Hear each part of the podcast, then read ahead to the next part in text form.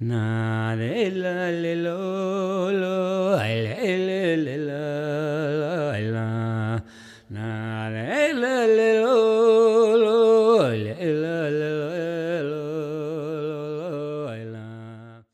Hei og velkommen til Riddodottermuseet sin museumspodkast. Jeg heter Kjersti Robertsen og er museumsleder på Kokelv sjøsamisk museum. Og med meg i dag så har jeg direktør for RDM, Anne Mai Olli. Heia! Sånn. Nå har vi eh, kommet til slutten på sesong tre. Har du tenkt deg det? Vi har laga tre sesonger med podkast allerede. Ja, tenk. Det vil si at vi har to år med pandemi og, og ett år eh, sånn post-pandemi-sesong Ja. på, på de digitale verktøyet som podkaster er. Mm. Eh, det har jo vært eh, mye nytt. Dette er jo det første Jeg har jo lagd pod i fjor, men Mm. eh, her er det jo første året som jeg er med og produserer hele, eh, hele sendinga vår. Da. Mm. Så det har vært eh, mye å sette seg inn i og mye å lære. Ja, det er jo det. Det er en del arbeid. Jeg tror de som ikke eh, holder på med podkast, de er ikke helt klar over hva det er som egentlig inngår i det. Så klart, Jeg tror det er noen podder som folk trykker play, og så prater de fordi at de har ting klart i hodet. Men eh, det er jo ikke alltid det er like enkelt i forhold til museumstema. Og inkludert denne episoden, så har vi jo 18 episoder i uh, denne uh, sesongen. Uh, og det er veldig mange forskjellige tema. Um, blant annet eh, selskinn, båtbygging. Eh, og du har hatt en podkast på engelsk, blant annet, med to gjester. Du kan jo si et par ord om det. Ja, jeg har uh, snakka med, med Rand Ranna Finnbog og med Jeremy McGowan om det med å dekolonisere. Altså hva er dekoloniserende egentlig? Og det, da er det jo dekoloniserende i museumspraksis i, i, i bunn og grunn. eh, hva det egentlig betyr. Uh, og det å være indigenous, altså indigenizing. Og, og det er jo klart at det her er jo engelske begrep som vi på en måte vet om nå. Men vi som et samisk museum, så har vi jo holdt på med det her hele tida. Men vi Mm. har liksom ikke hatt noen navn eller benevnelser som, eh, som er internasjonalt kjent. uh, med hvordan vi driver museer og hvordan vi jobber Mm. på et samisk museum. Så, så det er litt den uh, Det å se litt på det perspektivet, det med å jobbe fra et samisk perspektiv, og, og hvordan andre da kanskje oppfatter oss på Mm. en måte.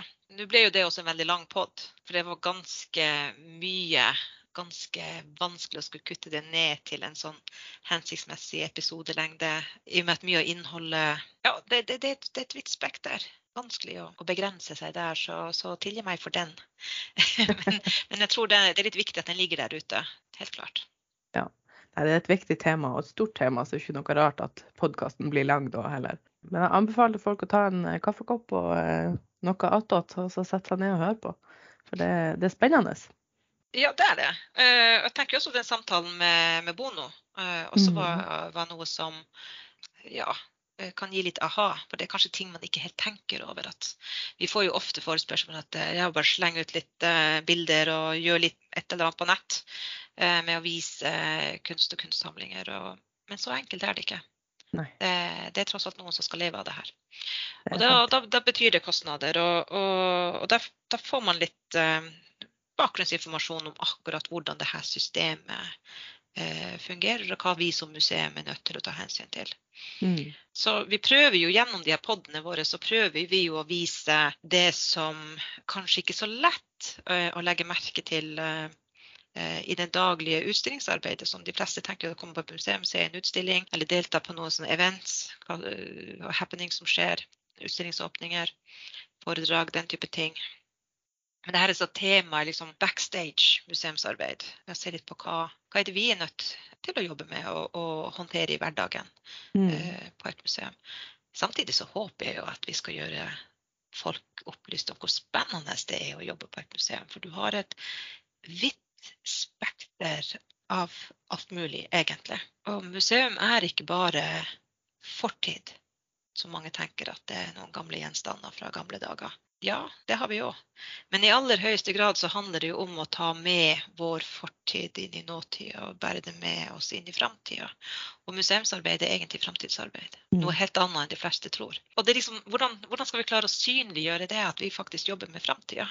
Det er det vi egentlig gjør. Eller legger til rette for framtida så godt vi bare kan. Og hvordan skal vi få folk til å se det perspektivet når de egentlig ser på museum som gamle, gamle dager? Mm. Eh, og forteller og formidler om gamle dager. Men gamle dager og historien er en del av oss og former oss og gir grunnlaget for hva vi har i dag. Og, og håper jeg, ved å bruke det, så kan vi bygge en framtid. Eller legge til rette for en framtid. Det, er- det er jo eh, hele grunnen til at vi starta med det, er jo altså med podkasten, er jo eh, det her med å, å vise mer hva er det vi gjør og, og bak kulissene, som du sier.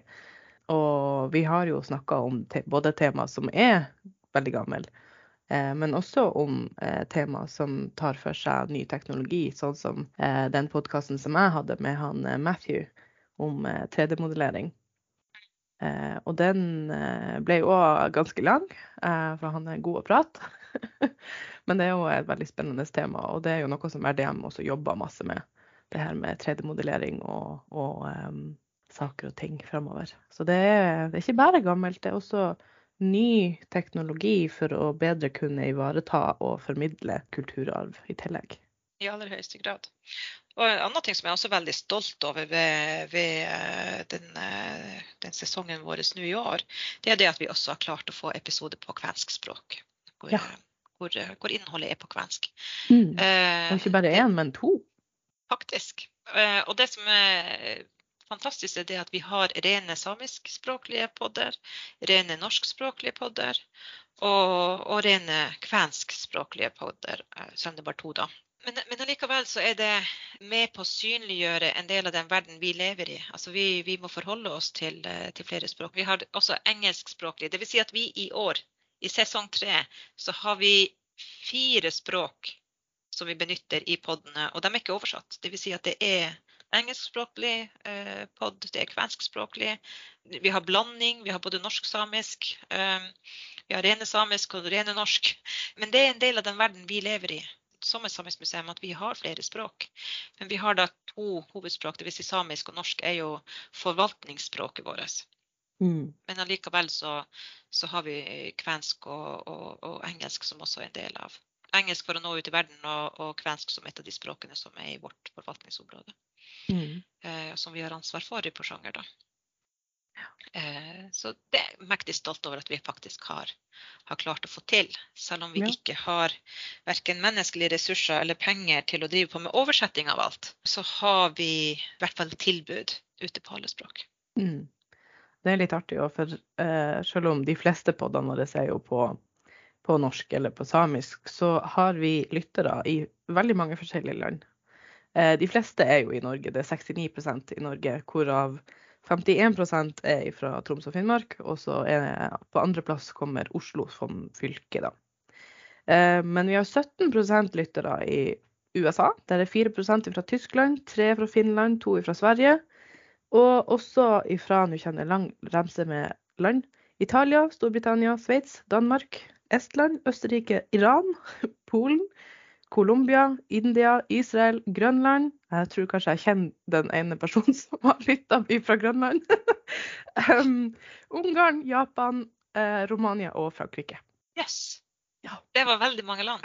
Altså, Det det, det. lurer jeg på, er det, er det nordmenn og samer eh, som er der ute i verden og er hører mulig. dem våre i, i, fra IP-adresser fra disse, fra disse landene?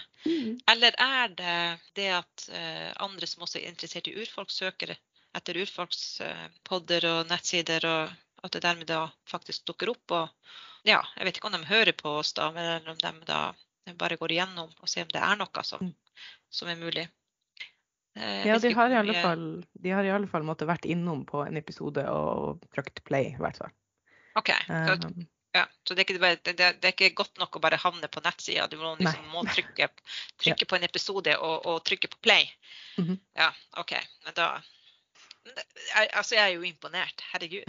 Når, når vi, vi, altså, vi eh, når ut på helt andre områder eh, eller i, i land, andre land, rett Mm. og slett, eh, gjennom podden enn en gjennom eh, det at de er nødt til å fysisk komme og besøke museene våre. Mm. Men kan bli kjent på, med oss og det vi jobber med på, på andre måter også.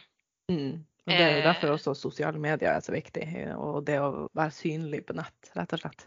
Ja, men jeg må nå også si at det er forferdelig mye arbeid eh, å være synlig på nett. Det, man må gå inn der hver dag, og man må gjøre alt det man skal gjøre hver dag. og det er ikke hver dag man engang har nettforbindelse, Nei da, avhengig av hvor man er. Så det, det har jeg jo fått eh, oppleve er en utfordring.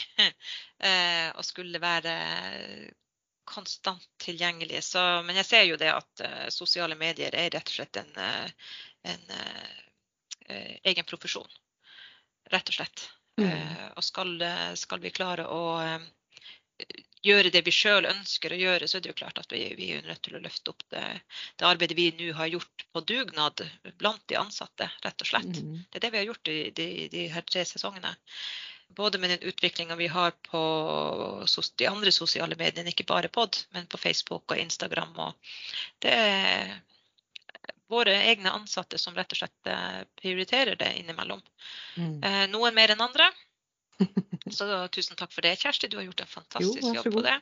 Takk, takk. Eh, og, og, eh, og flere av oss fortsatt har mye å lære, eh, meg selv inkludert, da, Mm. eh, når det gjelder sosiale medier. Og, og, lære å bruke det på en, på en god nok måte og, og ha en forståelse for hvordan det fungerer. Så det blir jo litt spennende å se hvordan vi skal, skal håndtere det fremover. Mm. Eh, men det her er litt sånn learning by doing. altså Vi, vi lærer mens vi, vi går. Veien blir til mens vi går, er vel Ja. uttrykket på norsk. da. Mm. Uh, og vi ser jo også det at eh, ja, det er mange ting vi kan bruke tida på, men jeg tror også at mye av det her med podden er jo noe som blir liggende ute. Om de ikke hører det nå i år, kan det hende at de hører også neste år. Og, og det kan hende at det ja, at det blir, det blir i hvert fall et tilbud for dem som ikke har mulighet til å kunne besøke oss og treffe oss fysisk, så finnes det alternativer. Jeg ser at det har vært veldig spennende, så innimellom så har det vært veldig gøy å lage poddene. Mm. Selv om, selv om det, å, å, eh, det er veldig tidkrevende med redigering bl.a. Uh, og den typen ting. Eh, og man lærer f.eks. hvor er det ikke lurt å ta et opptak. Hvilket rom skal man ikke bruke til sånt. Ja. Det måtte man jo også lære. Altså Det er sånne småting som man ikke tenker på i hverdagen i det hele tatt. Mm. Går det an å ta et opptak, et poddopptak eh, under en utstillingsåpning? Hvordan blir det? Eller under, eh, under andre typer arrangement, f.eks. Da man testa ut det. Eh, Det er ikke bare bare. Man tenker jo sånn at det er det her, hysj da. Kvarters sending, det tok sikkert bare en halvtime å produsere, liksom. Mm. Niks. Det kan ha tatt ganske mange dager, faktisk. Så det mm, det, det, har vært eh, Det har vært lærerikt. Mm. Og jeg tror kanskje at man også blir litt mer bevisst. Man lærer seg å være litt mer presis Mm. og litt mer tydelig. Ikke snakk inn i munnen, liksom. Snakk tydelig. Og, og det tror jeg kan også slå ut uh, positivt på, på andre sider av det, det, det arbeidet vi gjør. For vi blir mye mer bevisst på hvordan vi formidler uh, etter at vi har jobba med pod. Så nei, det er forferdelig mye arbeid, men, eh, men jeg tror nok at det er verdt det. Det tror jeg òg. Og vi har blitt obs på ja, så du sier, hvor mye arbeid det er, og hvordan gjør man forskjellige ting. Men også det her med at man har blitt obs på det som en formidlingsarena, i tillegg til den fysiske arenaen vi har på vårt museum. Og det er jo sånn jeg ser på de her sosiale mediekanalene også. Ja, det er mer enn bare det å f.eks. poste på Facebook når man har arrangement. Eh, For man kan bruke det aktivt som en formidlingsarena, hvor du når ut til mange flere. F.eks. for eksempel, jeg bruker Instagram eh, ganske aktivt på museet her, og vi har jo eh, fått over tidobla så mange følgere på Instagram som det finnes folk i Kokelv. Um, og jeg tror flere har blitt obs på at oi, her er et museum. Uh, og i forhold til det her at folk går inn gjerne og ser på uh, geotag for plasser de skal, eller ser på hashtags, ikke sant, for å, hva finnes det. Ja, de som kan eh, bruke disse dubningsgreiene, gjør nok det. Ja. Eh, vi, vi andre vi, vi gjør det kanskje litt mer ja, litt enklere. Vi går på Google og trykker 'kokelv', og så ser vi hva som kommer opp. Mm. Men vet du hva? Den største lyttergruppa, en alders, eh, aldersmessig er faktisk 45 til 59 år. Det er det, ja. I hvert fall i løpet av de siste 90 dagene. det, er, det er 34% mellom 45 og 59, og 31% mellom 35 og 44.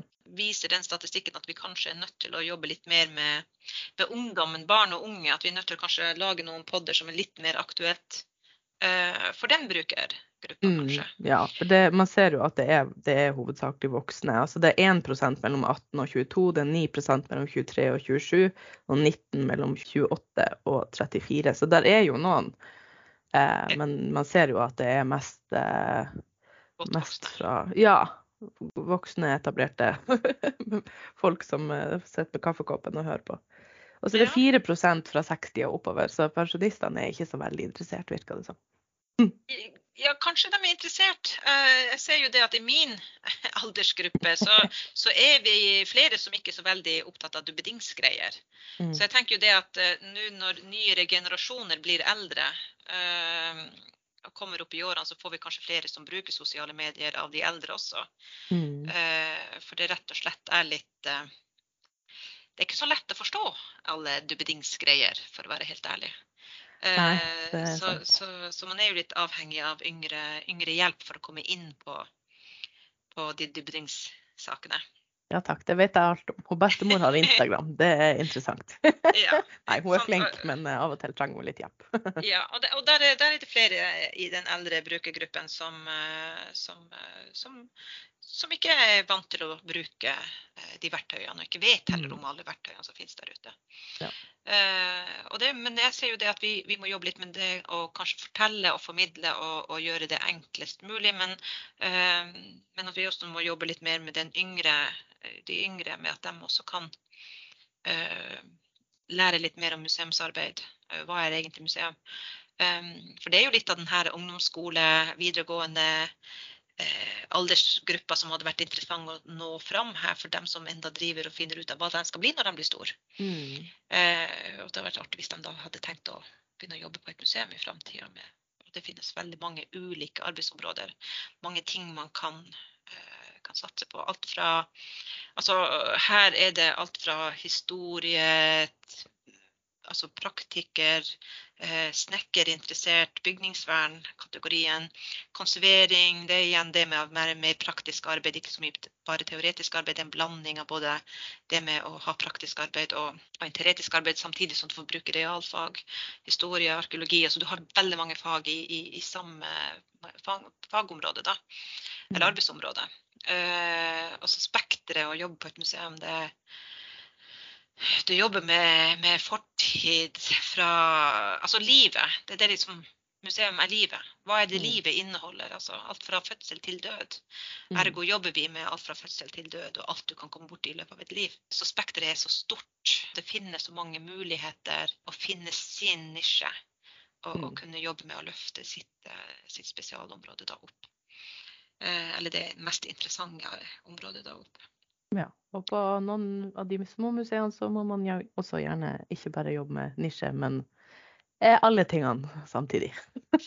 Virkeligheten, eh, teori og praksis er to forskjellige ting. Så, så ja, der det, er- der det bare er en stilling eller to, så, så er det nok dessverre sånn at man må være litt potet. Ja. Eh, jobbe litt med alt. Men det trenger ikke være en negativ ting. Det kan være positivt i forhold til at eh, ingen dag ser helt likens ut, og det er alltid noe å finne på. Det er veldig varierte arbeidsoppgaver. Så hvis man er litt sånn som meg som springer på veggen av å bare sitte på kontoret, så eh, finnes det mange andre ting man kan gjøre i min stilling som ja, får avbrekk og, og får gjort veldig mye forskjellig, egentlig. Det altså, at det er veldig mange museumsansatte som blir veldig lenge i stillingene sine. Altså. Mm. Det finnes dem. Eh, som er en årrekke. Jeg, jeg kjenner flere. Eh, meg sjøl inkludert, kanskje.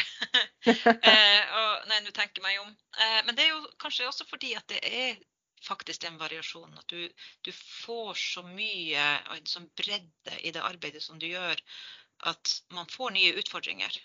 Mm. Man får nye arbeidsoppgaver, jobbe i team, jobbe selvstendig. Og være med og, og bygge opp. Og det med å ja, rett og slett være med og skape. Mm. Uh, samtidig som man er med og bevarer. Altså den, uh, det er en fantastisk uh, mulighet å få, få, lov til å jobbe med det mm. eh, til daglig. Mm. Så ja, museumsarbeid er mangt. Og, og, jeg må jo si det at det er bare det med at museumsansatte produserer podder om ulike temaer. Hvem skulle trodd det for fem år siden? Nei, Ingen. det er et godt spørsmål. så, så, vi hiver oss eh, med på mye, eh, mye av det som eh, vi ser er nødvendig. Og ja, podden vår første sesong var jo planlagt før vi visste at det ble noe pandemi. Så sånn sett så var vi jo litt på, på forhånd der, da. Mm. Var allerede planlagt å, å begynne å produsere podder.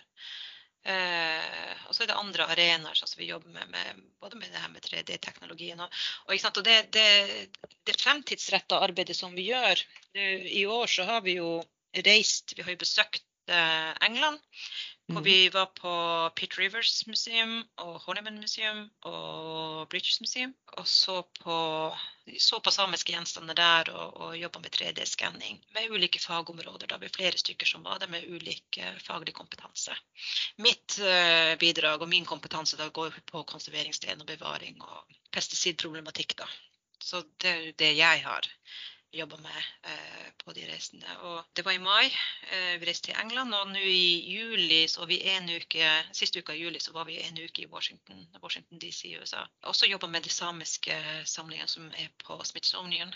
Fikk se på det materialet som var der, og fikk jobba eh, Nå har vi vært flere, da, både fra RDM og fra, fra andre institusjoner og, og organisasjoner. Og, og private bedrift. Så man så jo også det med at vi har ulike innfallsvinkler. Der har vi eh, noen som jobber med, med 3D-skanninger og den historiske delen og det konseptet der. Eh, mens jeg jobber med pesticid, pesticidproblematikk og det konseptet der. Da jeg ser på material, teknikk, den typen. Ja, nå er det sånn overflatisk, da. Jeg skal ikke gå ned i dybden på de her tingene her. Og da med, med, både med bruk av ulike metoder ja, for å få den informasjonen man, man ønsker å få ut fra de gjenstandene som, som, er ute i verden. Og vi knytter jo selvfølgelig i aller høyeste grad kontakter. Og, men det som jeg syns var det største med de her reisene vi har hatt nå, det er at hver og en av oss med hver vår fagkompetanse kan spesialisere oss innenfor det vi holder på med. Sånn som meg med pesticider. Og mitt arbeid styrker igjen det de andre holder på med. Så det vil si at hver og en av oss har gjort hverandres arbeid sterkere. Med tanke på at vi har ulike kategorier. Vi når en større bredde innenfor det samme gjenstanden. Og vi klarer å hente mer informasjon og få mer ut av det besøkende enn om man bare hadde hatt eh, f.eks. bare ta bilder og bare dokumentere hva som finnes der av samisk materiale. får vi jo mye, mye mer ut av det. Men vi skal nok kanskje i framtida lage mer informasjon om de her tingene her. kommer jo Fagartikler bl.a. kommer jo ut. Så jeg skal kanskje ikke si så altfor mye da, i, i, den forbindelse, i og med at det kommer fagartikler. Jeg ser også med det, det, arbeidet som vi gjør, med det at vi reiser rundt. Vi knytter kontakter med flere ulike museer rundt omkring i verden. Vi ser at det alltid gir noen andre ringvirkninger når man først har kasta en stein, så kommer det mye mer ut av det med, med de ringvirkningene. Vi ser at vi kommer i nye kontakter, vi kommer inn i nye miljøer. vi kommer ja, eh, jeg har en bunch av e-post og svar etter eh, USA-turen. Mm. Med, med, den dialogen som jeg har hatt med de andre som også jobber med, med gjenstand bevaring og konserveringsperspektiver. Pesticidproblematikken da i, i, i førersetet. Og uh, vi ser også det at andre fagområder kanskje ikke er klar over. Vi oppdager jo det at uh, ja, det, de museene tar jo imot en del besøkende. Både i England og, og også i USA, og, og, også hos oss, egentlig. Mm. Eh, hvor de som besøker gjenstandene, ikke nødvendigvis har sjøl kunnskapen om hva er det man egentlig holder i hendene sine. Hva er det man egentlig jobber med. Eh, spesielt når det kommer inn på pesticidproblematikk. Eh, mm. og I den forbindelse så, så, så, ser vi jo det at eh, det med tradisjonskunnskap kombinert med fagkunnskap, altså når man styrker det, altså det her med bruk av tradisjonskunnskap i konservering f.eks. Eh, det gjør jo det at man klart helt får mye, mye mer ut av eh, det arbeidet som gjøres, enn om du bare jobber med fagkunnskapen, f.eks. bare ren pesticidproblematikk, mm. Eh, men ikke har noe kunnskap om ja, hvordan kunne man ellers ha behandla det, hvordan kunne man ellers ha gjort ting som da ikke involverer alle disse kjemikaliene, de syntetiske kjemikaliene bl.a. Det finnes mye mye si, naturlige kjemikalier som er brukt eh, eh, over generasjoner. Eh, fordi de har det med at insekter ikke tiltrekkes av det, eller insekter ikke liker det og holder seg unna. Så det er jo klart at alt, sammen, alt henger sammen på en måte. Og hvis man da enda får disse som man eh, kjenner der ute, til å høre på podene våre og spre det rundt den, da, så kan det hende at man får ja, disse ringvirkningene som jeg snakker om. Det. Altså, vi, vi har det egentlig ikke helt sett i dag, det potensialet det vi gjør i dag, kan gi oss om et Mm. år eller to eller tre. Mm. Eh, Men vi ser helt klart at det arbeidet som, eh, som vi har gjort nå, eh, setter oss inn i et nettverk eh, og et museumsarbeid og som forskning.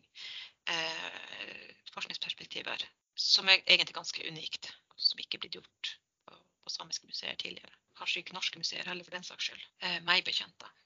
Så ja, podden eh, er jo helt klart ett av flere verktøy som vi har. Og ja, og det, og det, hvis jeg husker rett nå, så for hver sesong så får vi bare flere podder. Eh, ja, det, det går i den retninga, gjerne. Så egentlig så kunne vi ha delt eh, Sesong tre kunne egentlig vært det, det sesong tre og fire. Sånn Ja, egentlig. det kunne nesten det. Eh, ja, det kunne nesten det. Altså, at man kan produsere de poddene utover året, sånn at, det- sånn at de ligger de ligger klar når, når neste sesong begynner. Og det, det Ja, vi har en himmel av muligheter. Ja. Konklusjon. konklusjon. Konklusjon. Det er masse muligheter. det er masse muligheter. Og eh, jeg tenker, når jeg begynte å tenke, eller prater høyt nå, så, så tenker jeg sånn her at åh, det er egentlig denne samtalen som jeg hadde med, med de konservatorene på Smithsonian. Eh, Jeg hadde et eget møte med dem alene. Mm. Alene. Jeg hadde, jeg, hadde, jeg hadde ingen andre der som ødela samtalen med å begynne å snakke om andre ting enn konservering. Så, så det var sånn et fantastisk møte, og vi sprakk jo møtetida så det bare gjorde etter. Så vi satt eh, halvannen time ekstra. Så, så det gikk jo ut i lunsjen før vi ble ferdig. Eh, men det var kjempeinteressant, og jeg har fått flere e-poster i, etter, i etterkant som jeg skal drive og svare på nå. og eh, Masse tips og råd og, og masse som, eh, som, eh, som jeg er nødt til å følge opp. Eh, allerede så har det vært spørsmål om ikke jeg kommer tilbake igjen. Eh, kanskje digitalt. Altså, det er jo dyrt å reise, og det tar så tid å reise. Det er kanskje helst, Mm. helst det at det tar så mye tid. Eh, og tid er ikke akkurat det jeg har så mye av. Men jeg kan delta digitalt. Eh, fått høre at jeg er fantastisk eh, formidler av konserveringsperspektiver. Så jeg var kanskje i min S akkurat der og da. Nei, Ja, men ikke sant? det. Altså, når jeg får snakke med, med, med folk som vet hva jeg snakker om, uten å Mm. måtte forklare det, så selvfølgelig er det mye enklere da å bare kjøre rett på sak. og Mm. Yes! Sånn skulle det vært. Mens, mens f.eks. gjennom en pod så kan man jo ikke gjøre ting så forferdelig sterkt faglig at du må ha en viss fagkompetanse for å kunne forstå eller følge med på den samtalen.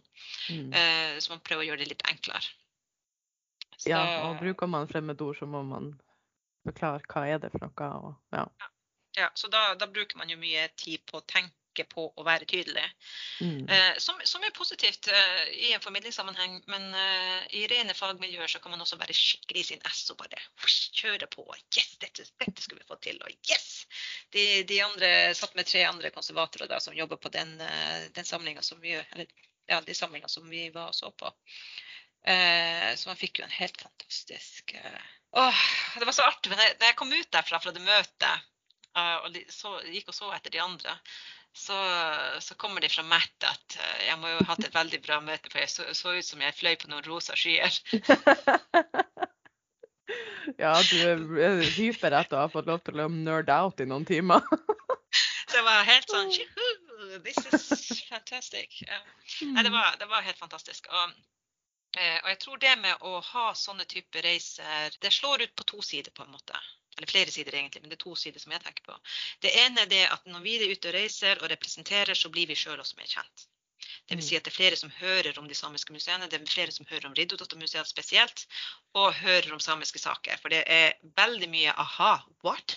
Virkelig? Når jeg forteller om hvordan systemet er. Liksom, hvor mye penger får vi, hvor mye penger får Det Norske museet f.eks. Hvor mange ansatte har vi i Kokelv? Jeg har fortalt. Én uh, ansatt, liksom. What? Er det Ja. mulig å ha ett menneske på ett museum? Liksom, ja, i Norge er det mulig. Ja. Eh, liksom, eh, ja, og, og folk blir jo sjokkert. Mm. Eh, Det er jo fullstendig eh, uhørt, egentlig. Ja, og sånne, sånne type ting som vi, vi får fortalt. da. Det er den ene sida. Og den andre sida er jo det at vi sjøl også får mye mer kunnskap. Vi lærer ting som vi kanskje ikke var klar over. Eksempel nå så har jeg lært om De, de har eh, fått noen nye teknikker, nye metoder for pesticid. eh, noe som heter sniffing. Det har ikke jeg vært borti før. Eh, det er rett og slett en maskin som puttes opp igjen. Så du setter den gjenstanden inn i en pose, og så har du en sånn spesialmaskin som du bare leser av Mm. eh, som jeg ikke faktisk har ikke brukt før. Og på, måte, på hvilken måte ga den utslag? Og så var det noen tester som vi var og tok som jeg ikke var helt fornøyd med, men det viser seg i de skapene som vi var og kjekk i, så var det jo ekstremt mye både av eh, arsenikk og kvikksølv. Eh, som, som, av, altså, som slår ut på avgassinga.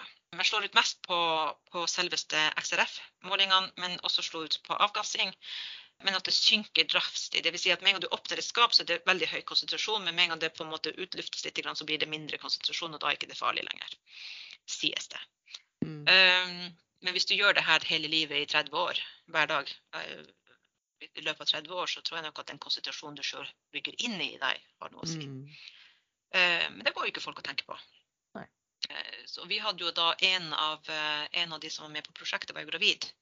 Eller er gravid. Og, og da var det eh, Ja, så jeg bare åpna det skapet, så lukta jeg med en gang. Så bare sa at hit går du ikke. liksom. Niks. Og hun har jo ikke jobba med eh, pesticidproblem. Hun jobba med gjenstander i museumssamlinger i over mange, mange år. Men hadde ikke hørt om pesticidproblematikk. Fordi du ikke jobber med konservatorene. Du jobber med historikere. Du jobber med den typen profesjonaliteter som heller ikke har peiling. Mm. Så, så jeg har jo gitt beskjed da at hun ikke skal uh, touche på, på noe av det her. For det her er stoffer som bygger seg inn i din egen kropp. At, uh, det kan også gå over til fosteret. Og at foster begynner å samle opp disse kjemikaliene allerede i fosterstadiet. Da er det større sjanse for at vedkommende utvikler kreft uh, tidligere i livet. Enn normalt livsløp. Altså det er større sjanse for å få kreft i en 50-60-70-årsalderen fordi du har vært borti mye rart i løpet av livet. Men hvis du starter allerede som foster, Mm. så kan det slå ut allerede i 20-30-årene. Ja. Så liksom sånne type ting som, eh, som, eh, som vi hadde litt fokus på. Da, da hadde en del diskusjoner og, og samtaler om. eh, Som var min rolle da, å holde, holde gjengen orientert om, om den type Mm. problematikk. Og, og fikk også gjort disse undersøkelsene. Og denne sniffing-metoden, og at de la så mye, hvor mye vekt de la på den, selv om jeg var ganske sikker på at jeg ville ikke ha stolt 100% på den. Jeg er ikke, helt komfortabel med den der. Altså hvor mye ikke-faglige konservatorer la vekt på den undersøkelsen. Mm. Mens direkte berøring med XRF-en slår ut, mens med sånn sniffing ikke nødvendigvis gjør det. Ja. Det ligger ikke i lufta da. Ergo er det ikke farlig. Eh, nei, men det ligger i materialet. Så det er hver gang du rører på materialet, kan det slå ut. OK. eh, men eh, Kjersti, tusen takk for sesong tre. Eh, Nå vet jeg jo at eh, du blir ikke med oss i en eh, sesong fire. Mm. Så tusen, tusen takk for det, det du har bidratt med, og det du har lært oss. Det du har overført av kunnskap, og det du har lært samfunnet om KKR. Mer enn det kan jeg ikke si. na la